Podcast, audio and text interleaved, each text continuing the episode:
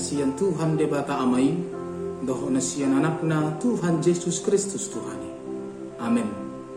Horas Falimanta, sangahon lima menit manangiho Tuhani, nanene sian buku Daniel bidu sepuluh sada ayat 22. Jalahala nama jahati do pak perjanjiani, apuan nado marbalik marhite sian hata ela ela. Ala yang go bangso akan tumadda di batana, patudusun nama rohana laos marsihohot. Dan orang-orang yang berlaku fasik terhadap perjanjian akan dibujuknya sampai murtad dengan kata-kata licin. Tetapi umat yang mengenal Allahnya akan tetap kuat dan akan bertindak. Nats ini adalah bahagian dari penglihatan Daniel akan peristiwa akhir zaman, di mana akan muncul penguasa-penguasa dunia yang disebut antikristus, yang berambisi mencari kekuasaan dengan memberikan pengajaran sesat, menggunakan siasat melalui kata-kata licin atau rayuan untuk membujuk umat manusia agar murtad dan berpaling dari Tuhan serta melanggar perjanjian. Saat ini kita sudah berada di masa akhir zaman Penglihatan-penglihatan itu sudah mulai tergenapi. Tanda-tandanya sudah mulai terlihat.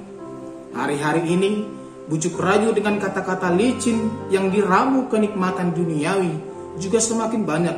Dan pengajaran sesat mulai merajalela mengancam kemurnian iman.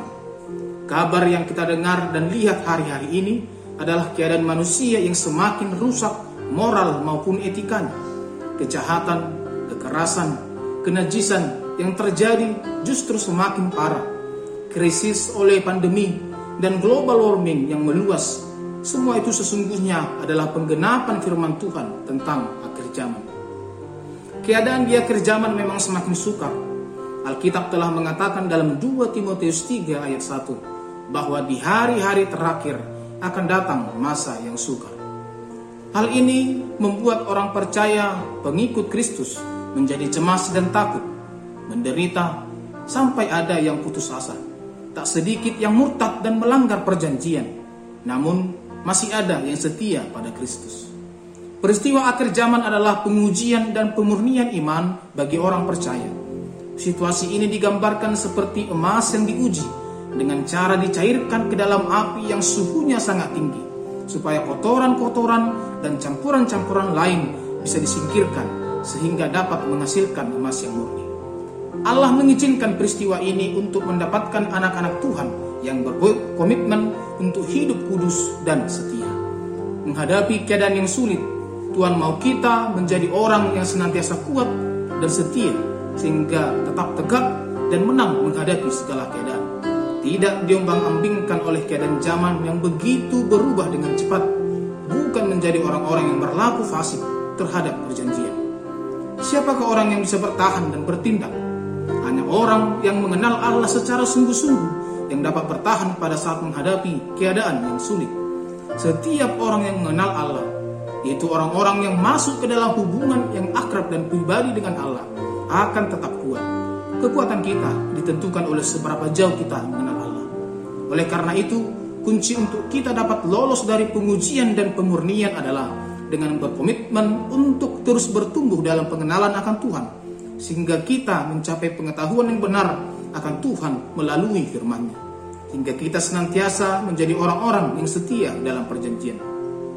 Ketika kita tahu bersama dengan siapa kita hidup dan berjalan, maka kita tidak akan mudah digoyahkan dengan tantangan, pergumulan, dan masalah yang datang dalam hidup kita. Ketika kita tahu bagaimana kemahakuasaan Tuhan yang kita sembah, maka kita tidak akan takut menghadapi apa pun yang mungkin terjadi dalam hidup kita kita tidak mudah tergoyahkan sampai Tuhan memberikan keadilan.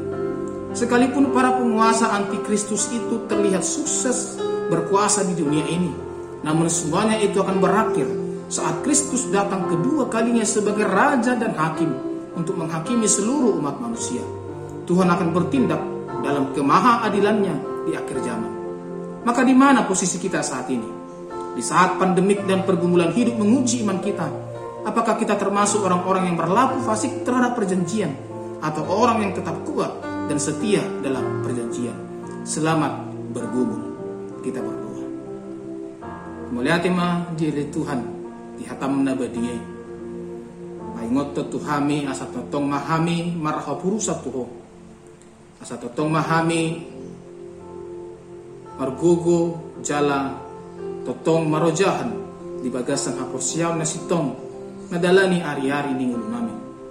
Tungpe godang akan na mangilayla kami, tungpe godang akan na naing mabay kami, madaw siyan ho, malay marhite asin roham, marhite huasom, margugo mahami mga dupi akan na masay. Atong diganuk akka parsuryo ningulo nami, najari mahami totong marhapuru sa tuho, at totong hami sa tiya, jala totong makaparseho diganuk perdalanan ningulo nami. Asing ni Tuhan Yesus Kristus, walau ni rohani de pata ama, dohot parsaoran ito di nama dongani hamu sa. Amin.